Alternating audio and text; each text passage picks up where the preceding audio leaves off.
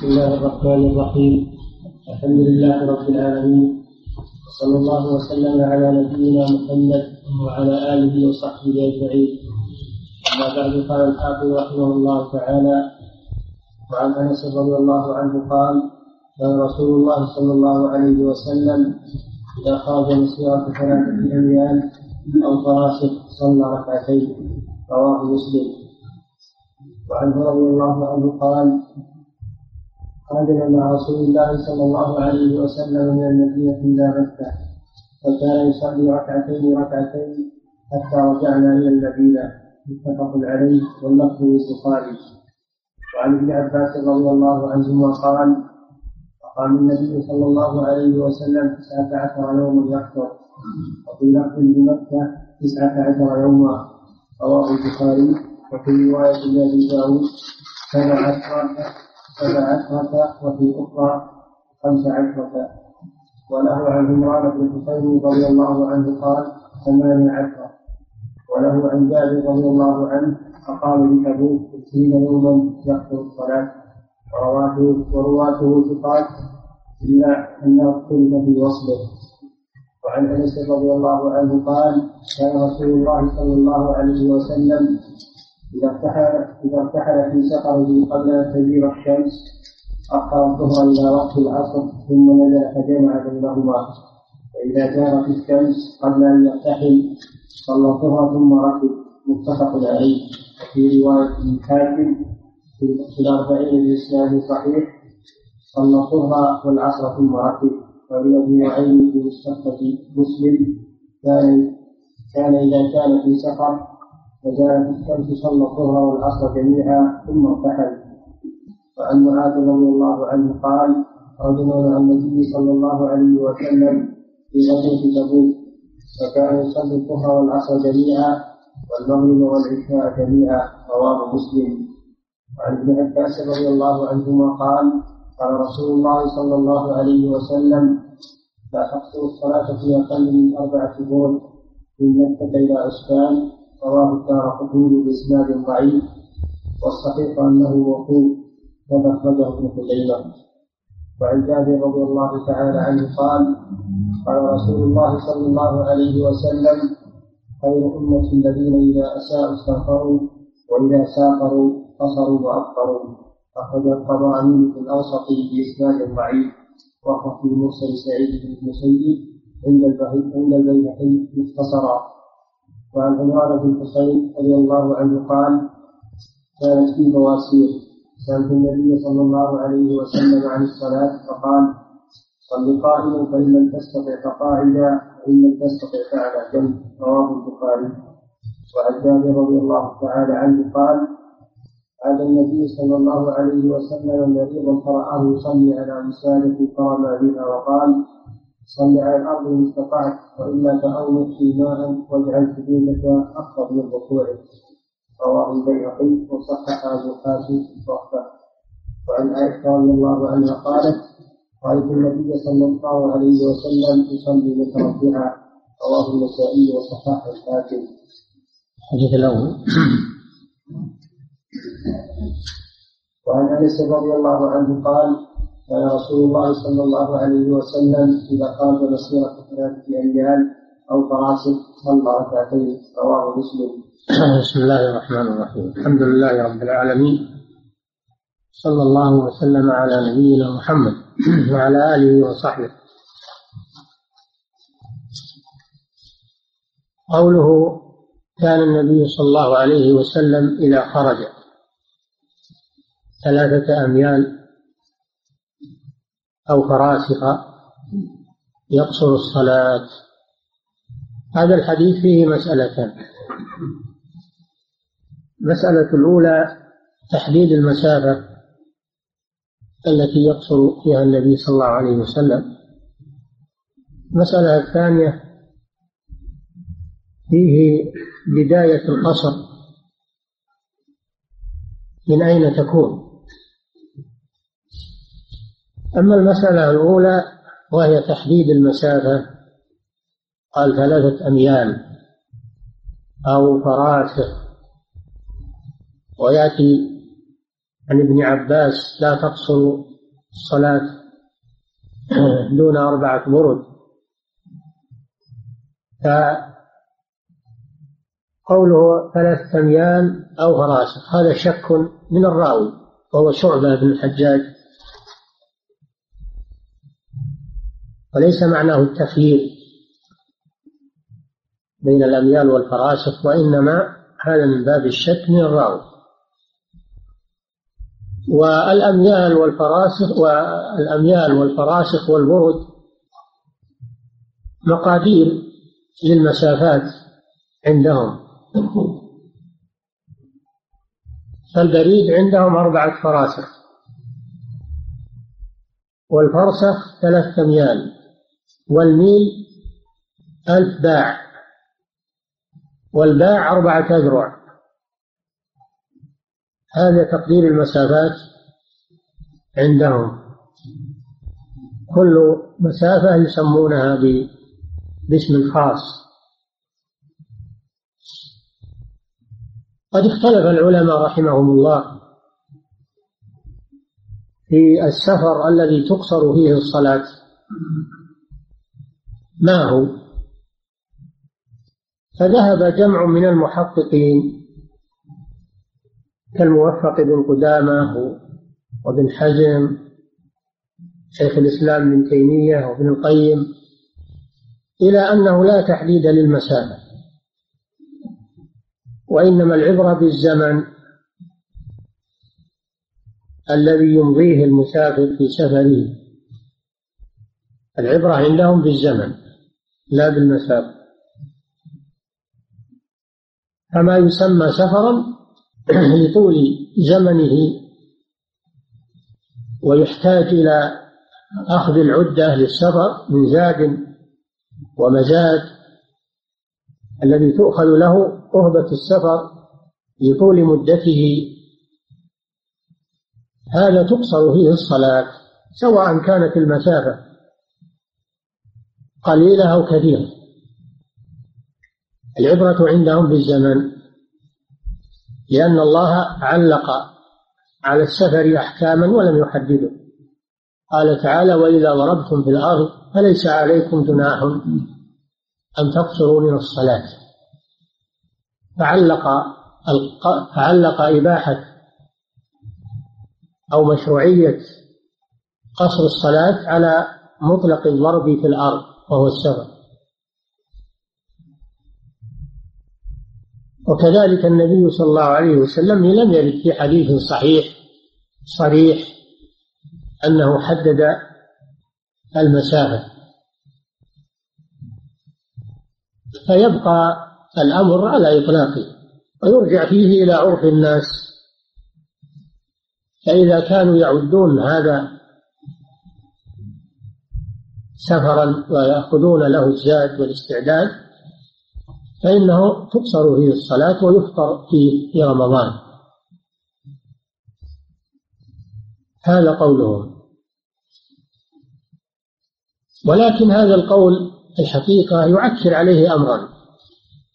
الأمر الأول أن هذا يوقع الناس في إشكال حيث إنهم يختلفون في تحديد السبب. المتساهلون ربما يتساهلون والمتشددون يتشددون وليس هناك حد فاصل. فما هو الحد الفاصل في هذا؟ ما في حد فاصل. الأمر الثاني أن الزمن يختلف في اختلاف الأوقات. الزمان الأول المسافة القصيرة تحتاج إلى زمان طويل. على الرواحل أو على الأقدام. أما الآن فقد طويت المسافات. فصار مسافة الأشهر تؤخذ في ساعة على الطائرة. و أو السيارة تؤخذ المسافة في وقت قصير. فعلى هذا لا يكون هناك سفر في هذا الوقت. لأنك يمكن تغدى هنا في الرياض ولا تجوع إلا في أمريكا. تركب في طائرة سريعة ولا تجوع إلا في أمريكا. ولا تحتاج ماء ولا شيء ولا تعطش. أنت خلال ساعات أنت واصل في أبعد مسافة من الأرض. فعلى هذا لا يكون في هذا الوقت سفر في في حدوث هذه المراكب السريعة. فلا يكون في هذا الوقت لا قصر ولا جمع لو مشينا على هذا القول لأن الزمان طوي الذي كان يقطع في في أيام أو أشهر صار الآن يقطع في ساعات. والذي يقطع في ساعات صار الآن يقطع في دقائق. ولا يجوعون الناس ولا يعطشون ولا إذا لا يترخصون. هذا القول ما صار في هذا الوقت. على هذه المراكب السريعة ما صار في سفر ولا شك أن الشرع جاء عاما لجميع الأزمان جميع الأوقات إلى أن تقوم الساعة. القول الثاني أنه لا بد من تحديد المسافة لأجل أن يوضع الضابط الذي يعرفه الناس ولا يختلفون يختلفون فيه. وهذا قول جمهور أهل العلم حددوه بالمسافة لا بالزمن. حددوه بالمسافة لا بالزمن. القول الأول بالزمن لا بالمسافة. وهذا القول هو القول الأكثر أنه بالمسافة لا بالزمن. لكن ما هي الأدلة على المسافة؟ المشكلة أن الأدلة ما هي واضحة في تحديد المسافة حديث يقول ثلاثة أميال وحديث يقول ثلاثة فراس أو ثلاثة فراسخ وحديث يقول أربعة برد. ومعلوم أن الفرق بين هذه المقادير. لكن قالوا ما هو ما هو الدليل في هذه الأحاديث؟ الدليل في سفر المرأة الذي حرم النبي صلى الله عليه وسلم عليها أن تسافر إلا مع ذي محرم فقد جاء في الحديث لا يحل لامرأة تؤمن بالله واليوم الآخر أن تسافر مسيرة ثلاثة أيام إلا ومعها ذو محرم فدل على أن الثلاثة سفر يحتاج للمحرم وما دونها ليس سفرا لا يحتاج إلى محرم.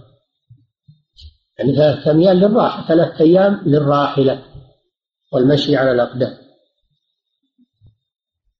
وهذا قول الحنفية إن مسافة القصر ثلاثة أيام للراحلة وهي ثلاث مراحل ثلاث مراحل كل يوم مرحلة. والمرحلة من طلوع الشمس إلى أن تقف في كبد السماء وقت الظهر. هذه المرحلة. كانوا يسيرون من طلوع الشمس إلى أن تتوسط كبد السماء ثم يريحون ويقيلون ويستريحون. هذه مرحلة. اليوم الثاني مثل. اليوم الثالث مثل. ثلاث أيام. هذا وجهة قول الحنفية ودليلهم أن الرسول صلى الله عليه وسلم حدد السفر الذي يحتاج إلى محرم هو ثلاثة أيام. بل على أن ما دونه ليس كذلك. والقول الثاني وهو قول الحنابلة والشافعية ورواية عند المالكية أن تحديد المسافة بيومين قاصدين للراحلة. يعني يحدد بمرحلتين بدل ثلاث مرحلتين. لأنه جاء في الحديث الصحيح أيضا لا يحل لامرأة تؤمن بالله واليوم الآخر أن تسافر إلا ومعها مسيرة يومين إلا ومعها ذو محرم مسيرة يومين حدد باليومين دل على أن ما دون اليومين لا يعد سفرا يحتاج إلى محرم. هذه وكذلك في حديث ابن عباس الآتي وإن كان ضعيفا لا تقصر الصلاة في أقل من أربعة برد من مكة إلى عسفان. وعسفان اسم اسم بلد معروف إلى الآن بهذا الاسم شمال مكة على طريق على على الطريق السريع بين مكة والمدينة. على نحو ثمانين كيلو من مكة. هذا عسفان. قد دفنت فيه أم المؤمنين ميمونة بنت الحارث رضي الله عنها. فهذا يدل مع قوله بسفر المرأة بيومين يدل على أن أقل مسافة للسفر مسيرة يومين للراحلة يعني على مرحلتين كل مرحلة من من من طلوع الشمس إلى وقت الظهر على الراحلة. ويقدر بالكيلوات في ثمانين كيلو. يعني كل يوم يقطعون أربعين كيلو. ما بين طلوع الشمس إلى الظهر أربعين كيلو. على الراحلة. فهذا هو القول الثاني أنه لا بد من تحديد أن العبرة بالسفر بتحديد المسافة لا بالزمن. قالوا سواء قطع هذه المسافة في مدة طويلة أو قصيرة حتى قالوا لو قطعها في ساعة. كما ذكر في شرح الزاد وغيره. لو قطعها في ساعة لكن الوقت يوم يقولون في ساعة ما كان عندهم هذه المراكب السريعة. لكن يقولون يمكن هذا في في المستقبل. وقد وقع مثل ما تصوروا مثل ما قدروا. يقول في شرح الزاد ولو قطعها في ساعة. فهم يعتبرون المسافة ولا يعتبرون الزمان. فعلى هذا يقصر الصلاة ويفطر ولو كان على مركب سريع. ما دامت المسافة مسيرة يومين للراحلة وهي ثمانين كيلو تقريبا. لأنه مسافر يصدق عليه أنه مسافر. وعلى كل حال لا شك أن التقدير بالمسافة أضبط من التقدير بالزمان لأن التقدير بالمسافة لا يختلف اختلاف الأوقات ولا يرتبك الناس فيه. وينضبط. ولا يحصل فيه اختلاف. وأما التقدير بالزمن فهذا لا ينضبط يحصل فيه اختلاف كثير.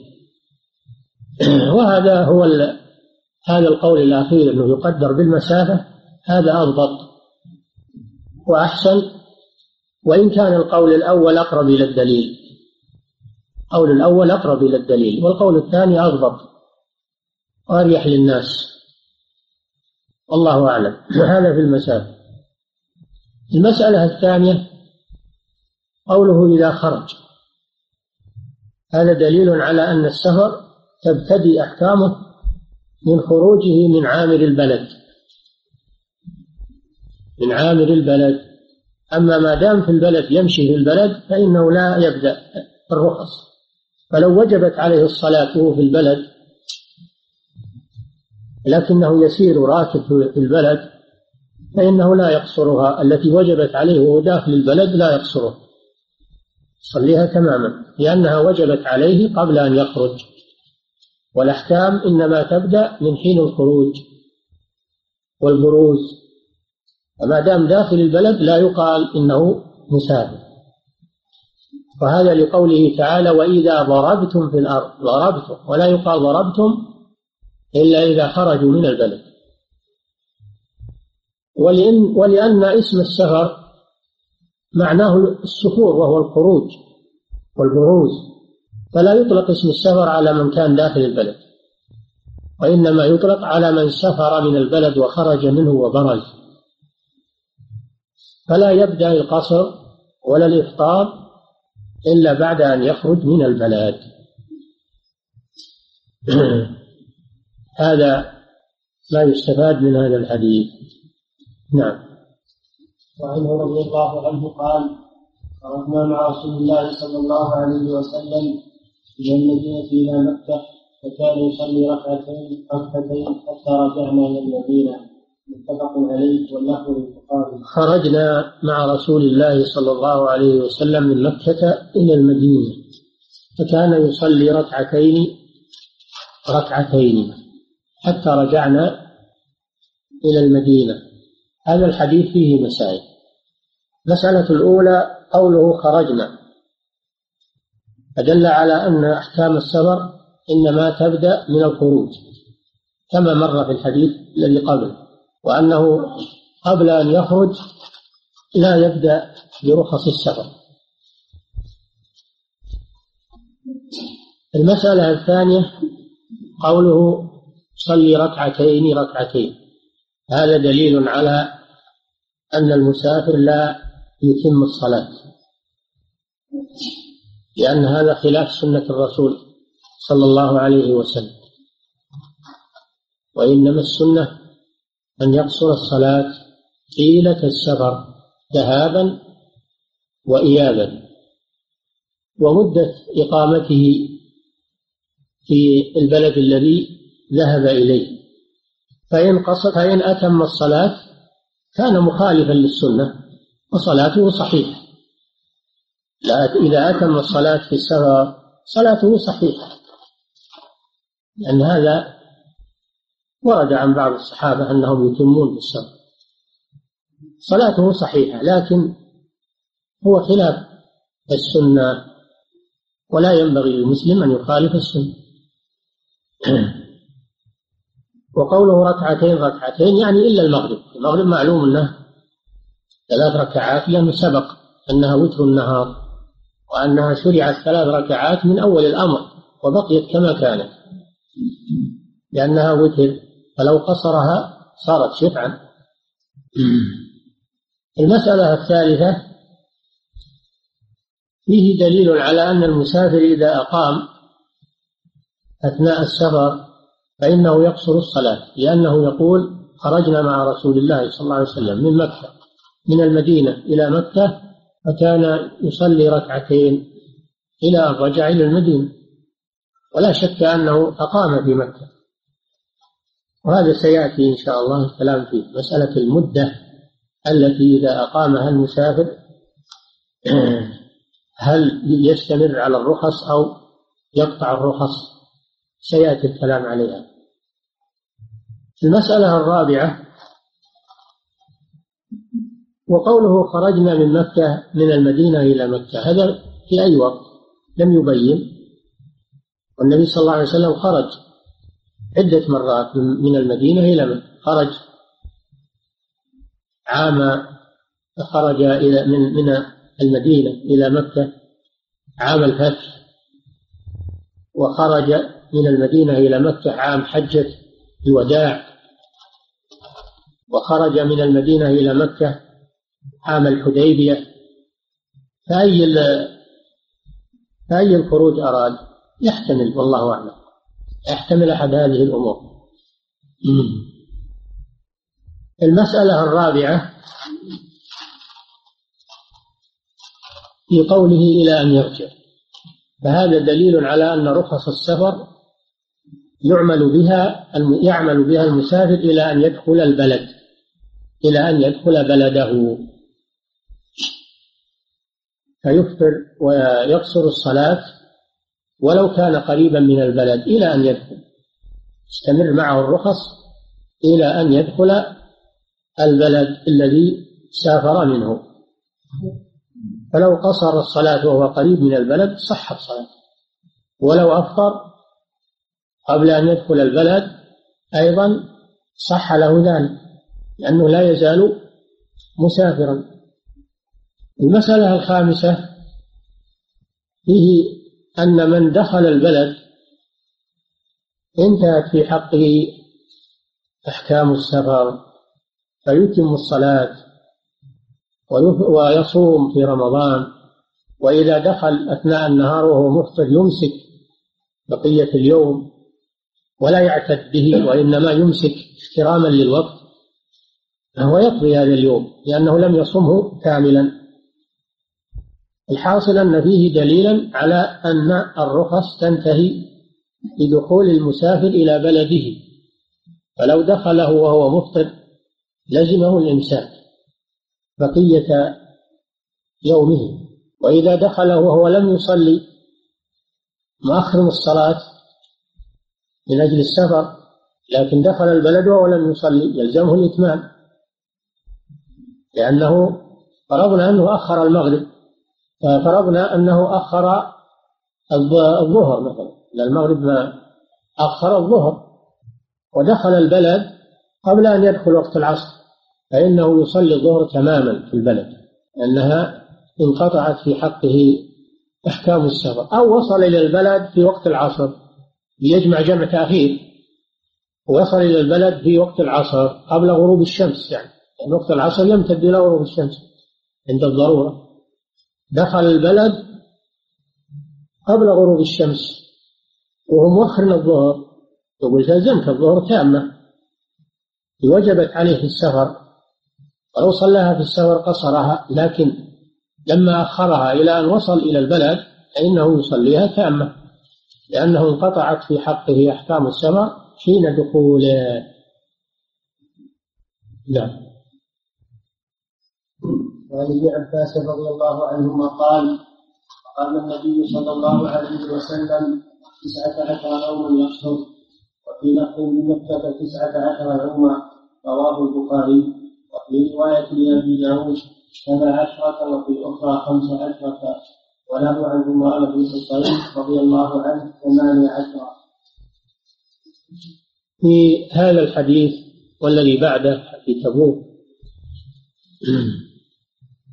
أن النبي صلى الله عليه وسلم قام بمكة خمس عشر خمسة عشر خمسة عشر يوما وفي رواية سبعة عشر يوما وفي رواية ثمان عشر في رواية تسعة عشر. يقصر الصلاة في هذه المدة. وهذا في غزوة الفتح. هذا في غزوة الفتح. فإن النبي صلى الله عليه وسلم دخل مكة في رمضان المعظم. دخلها فاتحا منتصرا بنصر الله عز وجل في رمضان.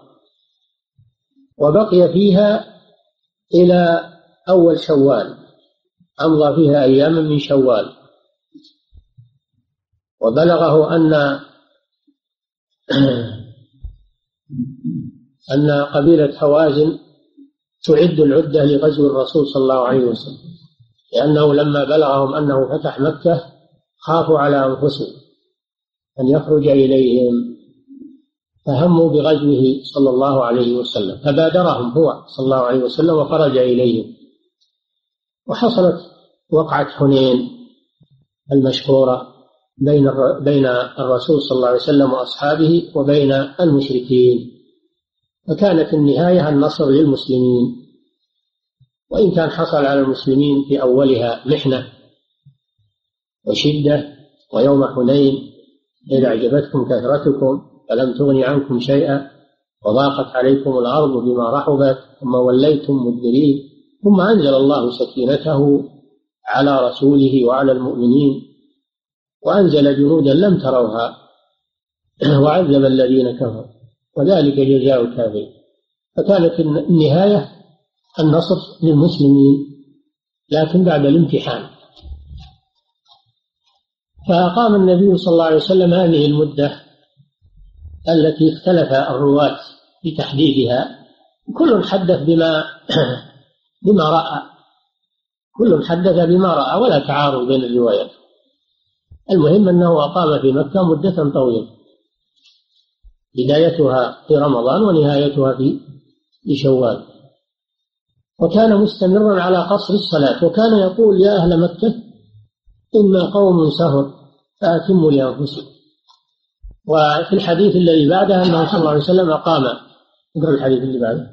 في تبوك. وهو عن جابر رضي الله عنه أقام بتبوك عشرين يوما يحصل الصلاة في تبوك.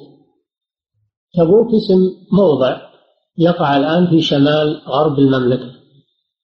وصار بلدا ومدينة كبيرة. فيه مزارع وفيه على حدود الأرض. بينه وبين المدينة أكثر من 600 كيلو 150 كيلو في أظن أو 80 هذه تبوك وكانت طرفا من بلاد الشام. بلغ النبي صلى الله عليه وسلم أن الروم يعدون لغزو المسلمين لغزو رسول الله صلى الله عليه وسلم. وكان ذلك في شدة الحر شدة القيض. ووقت مطيب الثمار امتحان من الله سبحانه وتعالى والمسافة بعيدة. فأعلن النبي صلى الله عليه وسلم الغزو إلى تبوك وبين لهم الجهة التي أرادها لأجل أن يستعدوا. وكان صلى الله عليه وسلم في سائر غزواته لا يبين الجهة كان يكتم الخبر.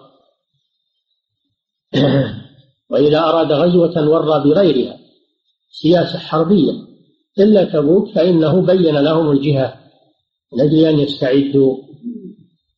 فلا فالمنافقون تثاقلوا حصل منهم ما حصل من الاستئذانات والكلام ويقولون محمد يظن إن الروم إنهم مثل العرب سيلقى كذا ويهددون ويخذلون المسلمين.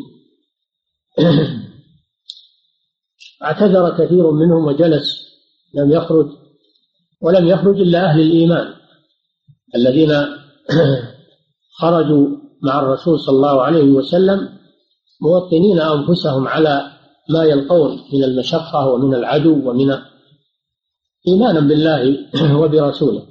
فكانت هذه الغزوة وهي آخر الغزوات امتحانا من الله ليتميز أهل الإيمان من أهل النفاق.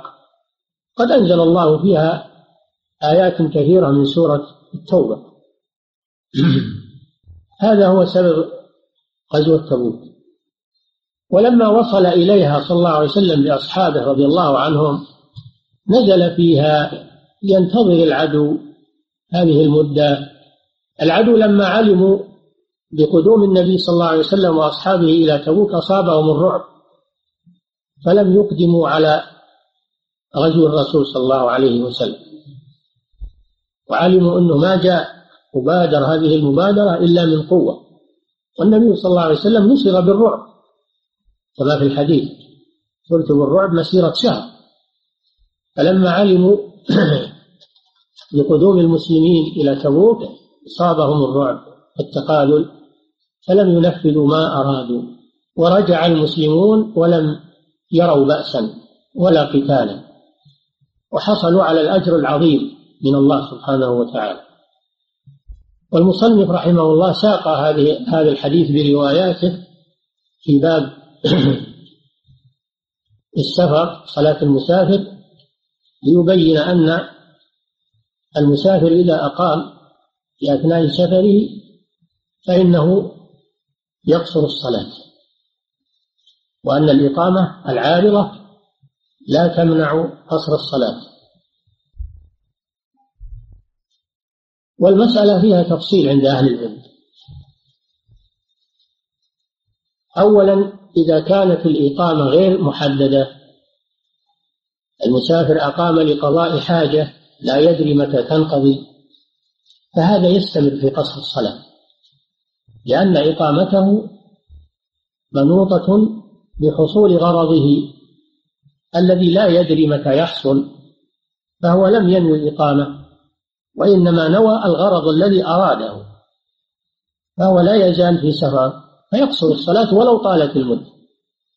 لو أقام أشهرا أو سنة أو أكثر فإنه يقصر الصلاة لأنه لم ينوي إقامة. وإنما يريد قضاء حاجة متى؟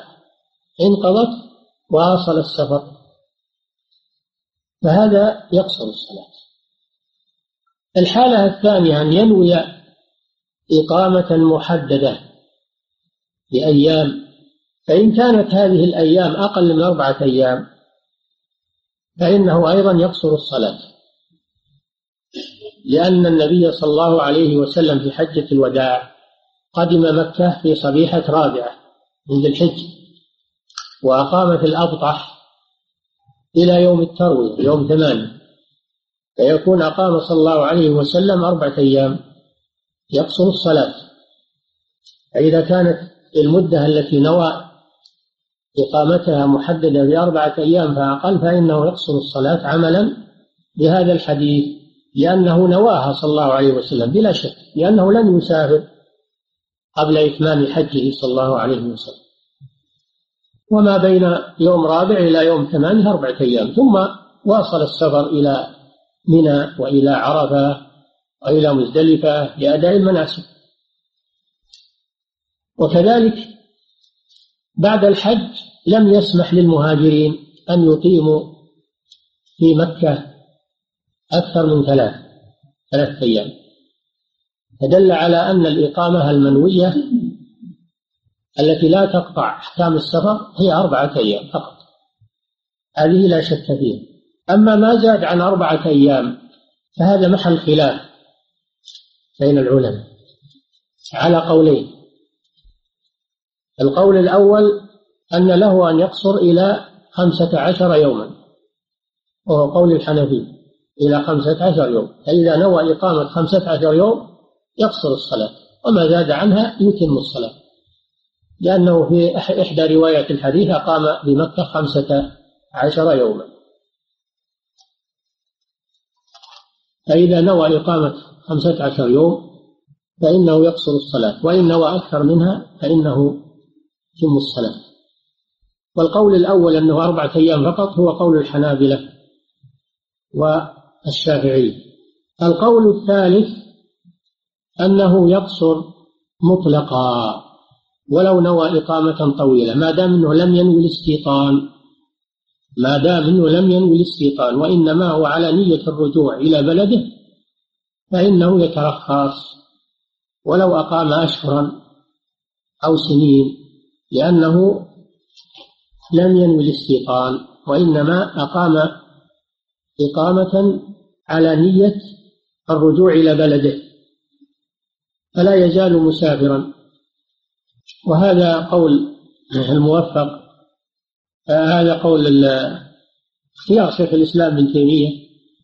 هذا اختيار شيخ الإسلام ابن تيمية وابن القيم وابن حزم ورواية عن مالك أن الإقامة لا تقطع السفر ولو طالت ما دام أنها ليست إقامة استيطان ولا شك أن هذا القول أنه فيه نظر وفيه ضعف.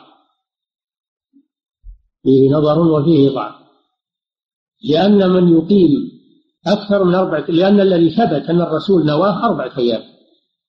وأما إقامته خمسة عشر أو سبعة عشر أو ثمانية عشر أو تسعة عشر كل هذه الإقامات أو عشرين كما في تبوك كل هذه الإقامات لم ينوي الرسول صلى الله عليه وسلم إقامة وإنما كان يترقب أحوال العدو. ففي مكة كان يعد العدة لغزو لغزو حنين غزو هوازن. ما ما أقام بمكة إقامة محددة وإنما أقام للحاجة وهي إعداد العدة للغزو. وكذلك في تبوك ما أقام إقامة محددة وإنما أقام يترقب أحوال العدو. لا يدري في أي ساعة يهجم العدو يحصل القتال فهو لم ينوي إقامة في تبوك. وإنما نوى التأهب للعدو. وهذا مثل من أقام لقضاء حاجة كما في الحالة الأولى التي ذكرناها.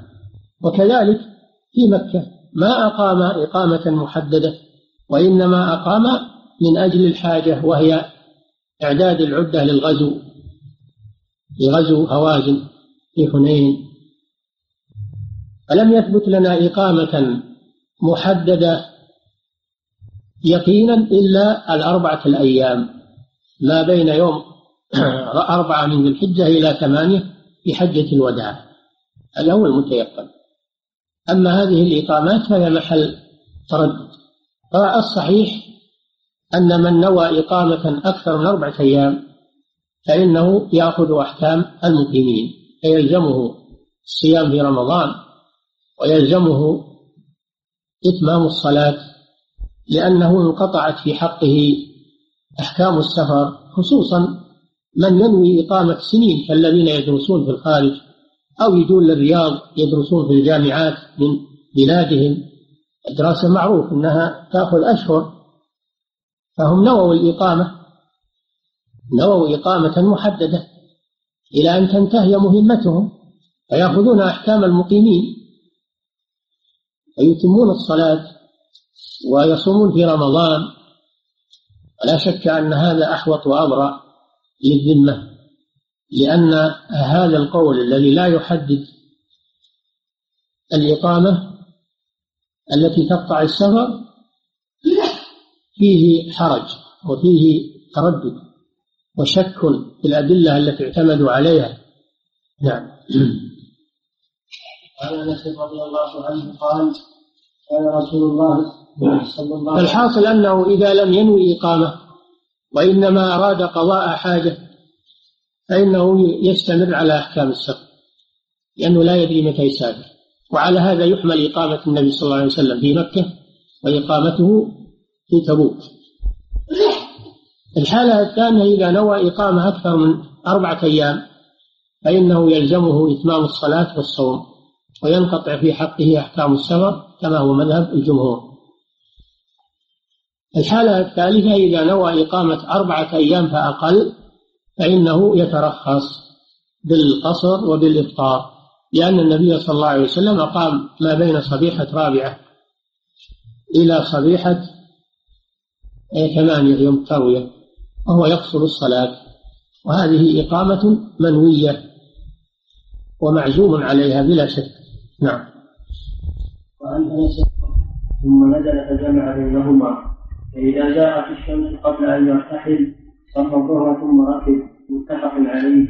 وفي رواية ابن الحاكم في الأربعين باسناد صحيح صلى الظهر والعصر ثم ركب. ولابي معين في مستخرج مسلم كان إذا كان في سفر فجاءت الشمس صلى الظهر والعصر جميعا ثم ارتحل. هذا الحديث وما بعده في موضوع الجمع بين الصلاتين الجمع بين الصلاتين في السفر. بين الظهر والعصر وبين المغرب والعشاء لأن هذا من رخص من رخص السفر. فمن جاز له القصر جاز له الجمع لدفع المشقة عنه. وفي هذا الحديث أن النبي صلى الله عليه وسلم إذا ارتحل قبل أن تزيغ الشمس وزيغ الشمس معناه آه معناه زوالها عن مسامة الرؤوس إلى جهة المغرب. لأن الشمس إذا طلعت لا تزال ترتفع في الأفق إلى أن تتوسط السماء فوق الرؤوس. فيقال قامت الشمس قامت بمعنى توسطت. فإذا فإذا زالت عن الرؤوس إلى جهة الغرب ولو يسيرا يقال زالت الشمس. وزاغت زاغت وزالت بمعنى واحد. الزوال والزير والدلوك كله بمعنى واحد. أقم الصلاة لدلوك الشمس إلى غسق الليل. دلوك معناه الزوال إلى جهة المغرب. ويعرف ذلك بالظل لأن الشمس إذا توسطت لا يكون هناك ظل. فإذا ظهر ظل من جهة المشرق ولو قليلا فإنها زالت. علامة هذا علامة الزوال. بدو الظل من جهة المشرق للشيء الشاخص يعني المرتفع. جدار إنسان عصا. إذا ظهر له ظل من جهة المشرق فقد زالت الشمس. هذا هو الزوال. كان النبي وهو الذي يدخل به وقت الظهر. أقم الصلاة لدلوك الشمس. صلاة الظهر. فإذا زالت الشمس وجبت الظهر. إذا ارتحل قبل أن تزيغ الشمس يعني قبل الزوال أخر الظهر صلاها مع العصر. جمع تأخير. وإذا ارتحل قبل أن تزيغ وإذا ارتحل بعد أن تزيغ الشمس صلى الظهر ثم ركب. صلى الظهر ثم ركب. هذه الرواية الأولى للحديث. فيكون في هذه الرواية دليل على جمع التأخير ودليل على عدم جمع التقديم ودليل على عدم جمع التقديم. لأن الرسول صلى الله عليه وسلم كان إذا ارتحل بعد أن تزيغ الشمس صلى الظهر فقط ثم ركب. لكن الرواية الثانية التي رواها الحاكم وأبو نعيم هذا في كتابه الأربعين وأبو نعيم في مستخرجه على صحيح مسلم أنه إذا ارتحل قبل بعد أن تزيغ الشمس قدم العصر وصلاها مع الظهر ثم ركب. ففي هذه الرواية عند الشيخين دليل على جمع التقديم. جمع التقديم معناه أن تصلى الثانية في وقت الأولى. وجمع التأخير معناه العكس أن تصلى الأولى في وقت الثاني. هذا معنى جمع التقديم وجمع التأخير. العلماء رحمهم الله اختلفوا في جمع التقديم وجمع التأخير على ثلاثة أقوال. فعند الحنابلة والشافعية والمالكية أنه يجوز الأمران جمع التقديم وجمع التأخير. عملا بهذا الحديث برواياته. يجوز جمع التقديم ويجوز جمع التأخير والمسافر يعمل الأرفق به. فإن كان الأرفق به جمع التقديم قدم وإن كان الأرفق به جمع تأخير أخر. هذا القول الأول. القول الثاني أنه لا يجوز الجمع مطلقا لا جمع التقديم ولا جمع التأخير. وهذا مذهب الحنفي. هذا مذهب الحنفي. لا يجيزون الجمع. لأن الله فرض كل صلاة في وقتها. إن الصلاة كانت على المؤمنين كتابا موقوتا والنبي صلى الله عليه وسلم صلى كل صلاة في وقتها وبين ذلك للناس. وحملوا الجمع الوارد في هذا الحديث على الجمع الصوري. جمع الصوري. ما هو الجمع الصوري؟ قالوا أن يؤخر الظهر إلى آخر وقته يؤخر الأولى سواء الظهر أو أو المغرب يؤخرها إلى آخر وقتها ويقدم الثانية في أول وقتها فيصلي الصلاتين هذه في آخر وقتها وهذه في أول وقتها. ظاهره أنه جمع ولكن ليس بجمع كل صلاة في في وقتها. هذا عندهم الجمع الصوري وهو جائز. أما الجمع الذي معناه التقديم والتأخير فهذا غير جائز. عندهم. هذا القول الثاني القول الثالث أنه يجوز جمع التأخير فقط وأما جمع التقديم فلا يجوز. وهذا مذهب ابن حزم الظاهري ورواية عن الإمام مالك وقال به جماعة من أهل العلم. عملا برواية الحديث الأولى أنه كان إذا رحل قبل أن تزيغ الشمس أخر الظهر إلى العصر وصلاهما جميعا. وإذا رحل بعد أن تزيغ الشمس صلى الظهر ثم ركب. فدل على أنه ليس هناك جمع تقديم. أخذوا بالرواية الأولى. ولا شك أن المذهب الراجح إن شاء الله ما ذهب إليه الجمهور وهو جواز جمع التقديم وجمع التأخير خلافا للحنفية وخلافا للظاهرية. ومن نحى نحوهم. لورود السنة عن النبي صلى الله عليه وسلم بهذا وهذا. هذا هو الراجح في هذه المسألة. نعم. وعن معاذ رضي الله عنه قال خرجنا مع النبي صلى الله عليه وسلم في غزوة تبوك وكان يصلي الظهر والعصر جميعا والمغرب والعشاء جميعا رواه مسلم. هذا حديث مجمل. فيه أن الرسول صلى الله عليه وسلم كان يجمع بين الظهر والعصر وبين المغرب والعشاء لكن لم يبين هل هو جمع تقديم ولا جمع تأخير. يحمل على الحديث الذي قبله على التفصيل على التفصيل الذي قبله. فهو حديث مجمل يبينه ما قبله. واستدلوا منه ومن إطلاقه على أن المسافر إذا نزل منزلا فإنه له أن يجمع الصلاة وهو نازل. مثلا أقام يوم أو يومين أو ثلاثة أو أربعة على ما سبق ما دام يجوز له القصر يجوز له الجمع وله نازل. وهذا الحديث يدل على هذا لأنه ذكر أنه في غزوة تبوك يقصر يجمع بين الصلاتين. أنه في غزوة تبوك يجمع بين الصلاتين وهذا يشمل مسيره صلى الله عليه وسلم ذاهبا وآيبا ويشمل نزوله في في تبوك. فدل يعني بعمومه على أن النازل له الجمع. ما دام يجوز له القصر فيجوز له الجمع. ولو كان نازلا. وهذا أمر جائز يجوز له الجمع نعم. ولكن الأفضل الأفضل أنه إذا كان نازلا أن يصلي كل صلاة في وقتها.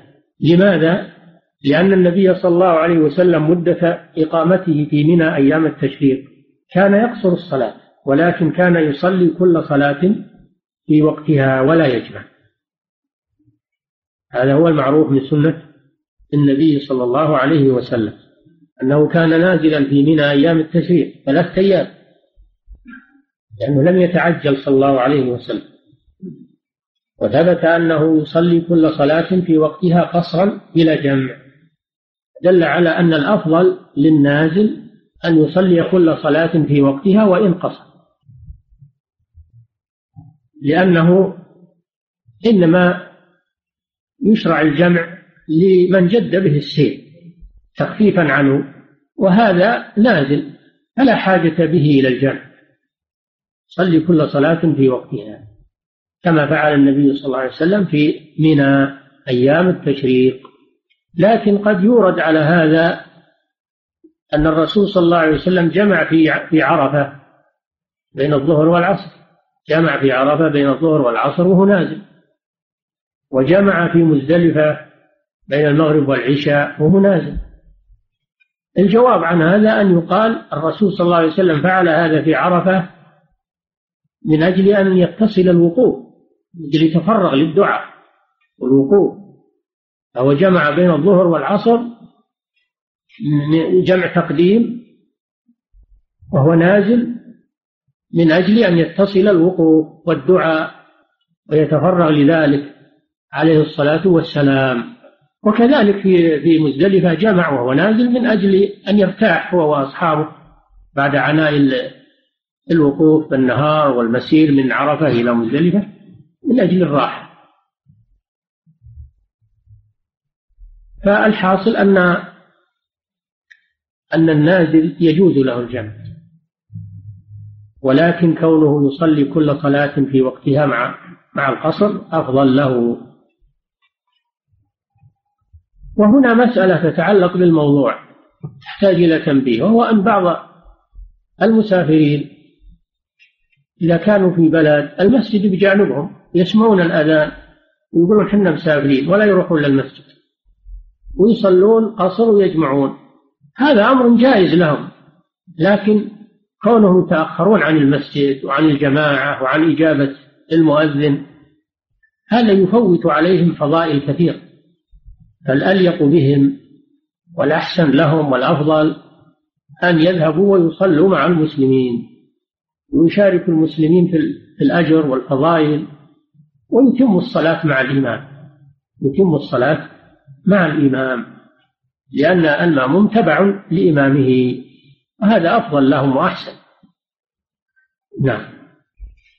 وعن ابن عباس رضي الله عنهما قال قال رسول الله صلى الله عليه وسلم لا تحصل الصلاة في أقل من أربعة فروج من مكة إلى عسفان رواه الدار قطني بإسناد ضعيف والصحيح أنه موقوف كما أخرجه ابن خزيمة. هذا قدمنا الكلام عليه في مناسبة الكلام على المسافة هناك ولكن قوله الصحيح أنه موقوف يعني الصحيح أنه من كلام ابن عباس ومن اجتهاده رضي الله عنه وليس هو من كلام الرسول صلى الله عليه وسلم.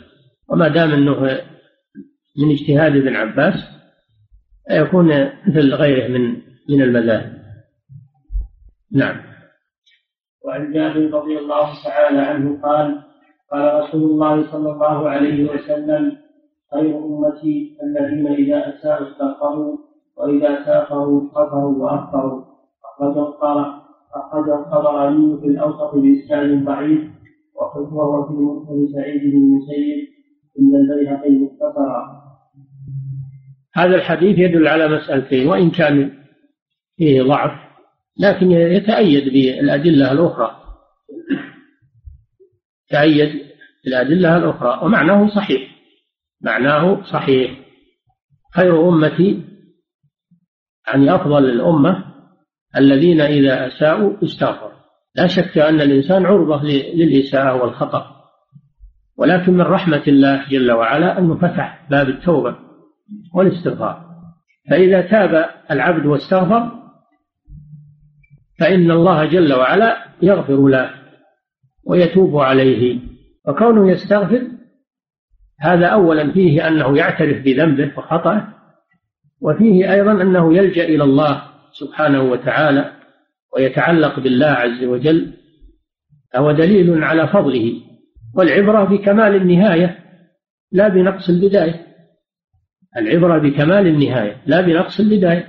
يكون الإنسان في البداية عنده نقص ولكن يستغفر ويتوب فتكمل نهايته فيحصل له الفضل. فلا يقال لمن لمن أذنب ثم تاب لا يعير بذنبه لأن من تاب تاب الله عليه. هذه مسألة. المسألة الثانية وإذا سافروا قصروا وأفطروا. فيه أن القصر أفضل من الإتمام. ولو أتم جازت صلاة صحت صلاته. وأن الإفطار في رمضان أفضل من الصيام. ولو صام صح صيامه. لكنه خلاف الأفضل. نعم.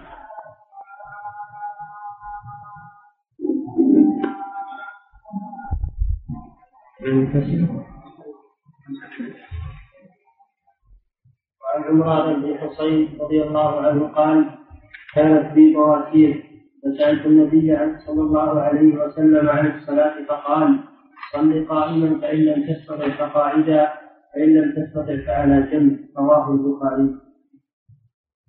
هذا حديث عمران بن حصين رضي الله عنه. قال كانت بي بواسير. البواسير مرض يكون في مقعدة الإنسان ولا تزال معروفة بهذا الاسم. فعاده النبي صلى الله عليه وسلم. فسأله عن الصلاة لأنه مريض. فقال صل قائما فإن لم تستطع فقاعدا فإن لم تستطع فعلى جنب. المصنف ذكر هذا الحديث في باب صلاة المسافر. يجامع أن المريض له عذر كما أن المسافر له عذر يبيح له الجمع. وإلا هو قد تقدم هذا الحديث تقدم في باب صفة الصلاة. هو والحديث الذي بعده. تقدم في باب صفة الصلاة. ولكن المصنف أعاده هنا للمناسبة لأن المريض يشبه المسافر في حاجته إلى الجمع بين الصلاتين. وفي حاجته أيضا إلى أن يصلي على حسب حاله. على حسب حاله. صلي قائما لأن الأصل في الفريضة القيام لأن القيام في الفريضة ركن من أركانها مع القدرة ولا يسقط إلا بالعجز. قوله تعالى وقوموا لله قانتين وهنا يقول صلى الله عليه وسلم صل قائما دل على أن القيام في الفريضة ركن مع الاستطاعة. وأما في النافلة فالقيام ليس بركن في النافلة لكن هو أفضل. ولو صلى جالسا ومع قدرته على القيام فنافلته صحيحة لكن له نصف أجر القائم أما إذا صلى جالسا في النافلة للعذر فأجره كامل. أجره كامل. فإن لم تستطع فقاعدا إذا لم يستطع القيام فإن المريض يصلي قاعدا. ويومئ بالركوع. برقبته برأسه ورقبته ويومئ بالسجود برأسه ورقبته ويكون إيماؤه للسجود أخفض من إيمائه للركوع. هذه صلاة المريض. فإن لم يستطع فإنه يصلي على جنب أن يجعل وجهه إلى القبلة ويكون على جنبه والأفضل أن يكون على الجنب الأيمن متوجها إلى القبلة ويومئ برأسه. للركوع والسجود وهو على جنبه. وإذا لم يستطع الإيماء برأسه وهو على جنبه قالوا يصلي بطرفه صلي بطرفه وقلبه. وبعض العلماء يقول لا إذا كان ما يستطيع أكثر يعني إذا كان ما يستطيع الإيماء وهو على جنبه تسقط عنه الصلاة. شيخ الإسلام ابن تيمية وجماعة يقولون آخر المراحل في حق المريض أن يصلي على جنبه. ويومئ برأسه. فإذا كان لا يستطيع الإيماء برأسه وهو على جنبه فإنه تسقط عنه الصلاة لأنه لا دليل على أنه يصلي بطرفه أو بقلبه هذا ما عليه دليل. ولكن الاحتياط لا شك أنه أحسن أنه يومئ بطرفه وبقلبه ويستحضر الصلاة والحمد لله.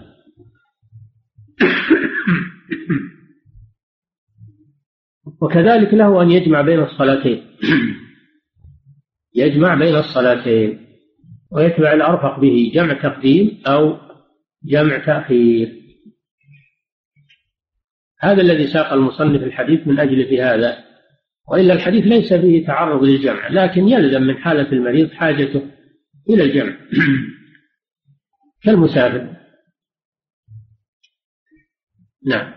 وعن جابر رضي الله تعالى عنه قال هذا النبي صلى الله عليه وسلم مريضا فرآه يصلي على وسادة فرمى بها وقال صل على الأرض إن استطعت وإلا فأوضح ماء واجعل سجودك أخطر من ركوعك رواه البيهقي وصححه الحاكم ووفى هذا الرجل اجتهد رجل مريض اجتهد ولما كان لا يستطيع أن يسجد على الأرض من مشقة المرض وضع وسادة يسجد عليها مرتفعة.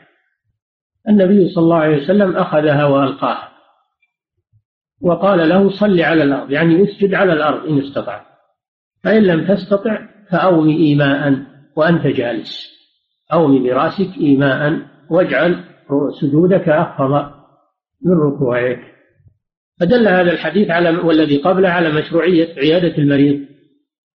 ودل على أن طالب العلم إذا زار المريض فإنه يوجهه إلى الوجهة الصحيحة في عبادته ويعلمه كيف يصلي وكيف يعبد وكيف يتطهر. ما تكون الزيارة بس مجرد السلام عليكم وبس. لا يتفقد أحواله ويعلمه في صلاته وفي وضوءه خصوصا اليوم في المستشفيات أكثر المرضى أكثرهم مهملون الآن على جهلهم وعلى ربما لا يصلون ما داموا في المستشفى بزعمهم ما أنهم ما يستطيعون. يتركون الصلاة. قد يموت الإنسان وعليه صلوات ما صلى. لجهله. فلو أن طلبة العلم يزورون المستشفيات يعلمونهم أحكام دينهم هذا هو أساس الدعوة ولب الدعوة. تعليم الناس الأحكام الشرعية شرح أحكام العبادات. هذا هو لب الدعوة إلى الله عز وجل. فينبغي لمن يزورون المرضى من طلبة العلم وأن يقصدوا هذا لتعليم المرضى كيف يصلون وكيف يتطهرون وكيف يأتون بالصلاة على حسب أحوالهم. وفيه كيفية صلاة المريض أنه يومئ بالركوع والسجود لرأسه ويجعل سجوده بالإيمة أفضل من ركوعه. وفيه أنه لا يجوز للمريض أنه يجعل شيء يسجد عليه لا وسادة ولا صندوق ولا أي شيء. هذا من التكلف الذي لم يشرعه الله ولا رسوله. فلا يجعل شيء مرتفع يسجد عليه. لا صندوق ولا وسادة ولا فراش ولا غير ذلك. لا يكلف الله نفسا إلا وسعها الدين يسر. ولله الحمد. وما جعل عليكم في الدين من حرج. والله أعلم. وصلى الله وسلم على نبينا محمد. صفة الشيخ إذا سافر شخص ونوى الإقامة أكثر من أربعة أيام ووصل البلد الذي يقصده فهل يجوز له القصر في أربعة الأيام الأولى؟ إذا كان ينوي إقامة أكثر من أربعة أيام فهو يقصر من فهو يتم الصلاة من حين يصل من حين يصل البلد. إذا نوى إقامة أكثر من أربعة أيام يتم الصلاة من حين وصوله إلى البلد. نعم. فضيلة الشيخ المسافر إذا كان نازلا في فندق أو منزل وفي جواره مساجد تقام فيها الصلاة فهل له أن يجمع في البيت وخاصة إذا كان محتاجا إلى الراحة؟ إذا كان محتاجا إلى الراحة نعم يجمع أما إذا كان يريد ينام هو مثلا تعب ويريد ينام وهو مسافر لا لا بأس أنه يجمع وينام في الفندق أو في منزله أما إذا كان نشيطا أو سيجلس إلى أن يؤذن المؤذن للصلاة الثانية وهو جالس فالأفضل في حقه إنه والأحوط أنه يذهب إلى المسجد ويصلي مع الجماعة. نعم. فضيلة الشيخ ما معنى قوله صلى الله عليه وسلم أمرنا أن لا نكف شعرا ولا ثوبا في الصلاة أو كما قال؟ السجود النهي عن كف الثوب والشعر في السجود يترك ثوبه يقع على الأرض وشعر رأسه إذا كان له شعر رأس لا يكفه عن السجود. يترك يسجد مع ثيابه وشعره. نعم. فضيلة الشيخ عند إقامة الصلاة متى يقوم المأموم؟ أي عند أول أي عند أي قول في الإقامة؟ يقوم إذا رأى الإمام. المأموم عند الإقامة يقوم للصلاة إذا رأى الإمام. فإنه يقوم. أما ما دام ما يرى الإمام فهو يظل جالسا. نعم. فضيلة الشيخ ما حكم الصلاة في المساجد التي تكون الأرضية فيها لينة أي بوضع طبقة اسفنجية ما في مانع. الحمد لله مباح. وأريح للمصلين أيضا. من الأرض الصلبة خصوصا المساجد الآن. يعمل فيها بلاط. قاسي على الأقدام وعلى الجلوس. فوضع شيء لين فوق البلاط هذا يريح المصلين. شيء طيب. أما المساجد في الزمان الأول كانت تفرش بالتراب أو بالحصبة التي لا تشق على المصلين في حالة قيامهم أو في حالة جلوسهم أو ركوع أو سجودهم. أما الآن صارت يعني مبلطة فلو بقيت على البلاط شق هذا على المصلين. فإذا وضع شيء يريح المصلين هذا شيء طيب. اسفنج أو غيره أو فراش نعم. قضية الشيء ما حكم الذي يخرج إلى الصيد؟ هل يحق له القصر؟ إذا كان قاصدا مسافة معينة تبلغ ثمانين كيلو فأكثر له القصر. أما إذا كان ما قصد مسافة معينة وإنما يتتبع الصيد أين وجده؟ بعيد ولا قريب؟ فهذا لا يقصر لأنه لم ينوي مسافة محددة. قد يكون يحصل على الصيد قريب من البلد وقد يحصل عليه مسافة بعيدة وهو لم ينوي مسافة وإنما غرضه الصيد أين وجده؟ فهذا لا يقصر الصلاة وليس بمسافر نعم. فضيلة الشيخ هل المريض إذا جمع الصلاتين هل يتم الصلاة أم يقصرها؟ المريض لا يقصر القصر للمسافر فقط. المريض مقيم يتم الصلاة إلا إذا كان مسافرا. إذا كان مسافرا ومريضا فإنه يقصر ويجمع لأجل السفر ولأجل المرض. نعم. فضيلة الشيخ هل يجوز للمسافر إذا خرج من بلده المقيم فيه بعد زواج الظهر مثلا أن يصلي الظهر والعصر في بلده جمعا قبل خروجه من بلده؟ وهل يصليهما جمعا أو تماما؟ يصلي الظهر يصلي الظهر في بلده تماما والعصر يؤخرها. يصليها في وقتها في الطريق قصرا لأن الظهر وجبت عليه وهو في البلد فلا بد أن يؤديه. ولو قدر أن يؤخر الظهر يصليها مع العصر فإنه يجب عليه الإتمام إتمام الظهر لأنها وجبت عليه تامة. مع أنه ما يجوز له التأخير في هذه الحالة يجب يصلي في الوقت. نعم. فضيلة الشيخ إذا دخل على المسافر وقت صلاة المغرب وهو يسير في البلد فهل له أن يؤخر المغرب إلى العشاء ويجمع بينهما بدون أن يحصر؟ لا. ليس له أن يؤخر المغرب لأنها وجبت عليه قبل خروجه من البلد فيصليها في وقتها. نعم. فضيلة الشيخ هل يجوز للمسافر إذا دخل عليه وقت صلاة الظهر وهو في السفر أن يؤخر ذلك حتى يصل إلى بلده ويتم الصلاة أربعا قبل دخول وقت صلاة العصر؟ مخير. ما دام أنه في السفر ولو كان قريب من البلد. فهو مخير. إن شاء صلى في السفر في طريقه وقصر وجمع وإن شاء صلى الصلاة الحاضرة في الطريق وقصرها وأخر الثانية إلى وصوله إلى البلد فيصليها في البلد. هو مخير.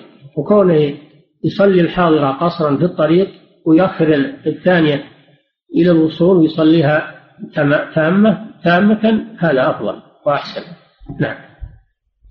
فضيلة الشيخ متى يسمي التعوذ من النار سبع مرات وسؤال الجنة؟ ورد في حديث وإن كان في مقال أنه بعد صلاة المغرب يقول اللهم أجرني من النار سبع مرات وليس فيه أنه يسأل الجنة اللهم أجرني من النار سبع مرات وبعد الفجر يقول اللهم أجرني من النار سبع مرات. هذا الذي ورد وإن كان فيه نظر فيه ضعف. نعم. فضيلة الشيخ من المعلوم المسافر يبدأ بأحكام السفر إذا فارق البنيان في بلده. هذا بالنسبة للمسافر برا فكيف بأحوال المسافر من جهة الجو؟ إذا إذا خرج إذا كان المطاف خارج البلد فله أن يصلي أن يأخذ آه، رخص السفر من المطار إذا كان خارج البنيان. أما إذا كان المطار داخل البنيان فهو لا يأخذ أحكام السفر يتم الصلاة ويستمر على الصيام إلى أن تقلع الطائرة. إذا أقلعت الطائرة وخرجت من محيط البلد تبدأ رخص السفر في حقه. نعم. فضيلة الشيخ قولنا للرسول صلى الله عليه وسلم بأبي هو وأمي ما صحة هذا؟ طيب هذا طيب. فداء الرسول بالأب والأم و قال صلى الله عليه وسلم لا يؤمن أحدكم حتى أكون أحب إليه من ولده ووالده والناس أجمعين. يفديه الإنسان بنفسه وبأمه وبأبيه صلى الله عليه وسلم. نعم. فضيلة الشيخ شخص مقيم في هذه البلد منذ فترة طويلة ولكنه لا يحمل إقامة نظامية ولا يدري هل يمكث مدة طويلة أم قصيرة. فإذا قبض عليه سافر وإلا ظل مقيما هل يقصر فليتم أولا هذا ما يجوز له ما دام أنه ما رخص له الإقامة ما يعرض نفسه للمسؤولية والغرامة والسجن.